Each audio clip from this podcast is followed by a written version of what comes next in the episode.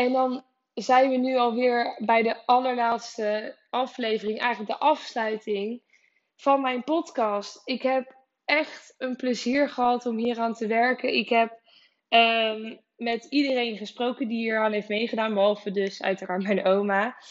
Maar ik heb aan iedereen heb ik dingen gevraagd. Ik heb extra dingen over het leven gevraagd. En wat zij denken, wat ik van hen heb, heb geleerd. En ik ben daar de afgelopen weken mee bezig geweest. En ik ben toch wel heel erg blij met het resultaat. En hoe ik dit in elkaar heb gezet.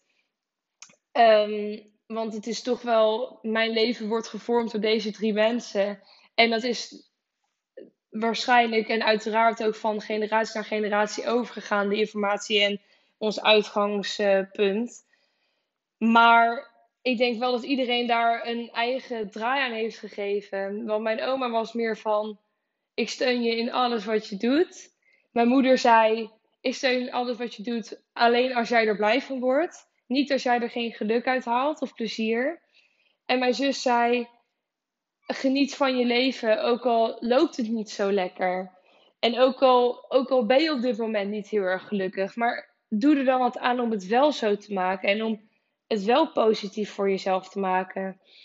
En ja, ik denk dat ik de afgelopen weken, nu ik daar zo op terug heb gekeken, dat ik toch wel heel erg blij en trots op die mensen moet zijn dat ik Ehm, dat, dat ik dit zo op deze manier heb meegekregen en dat ik zo mijn leven heb leren leiden.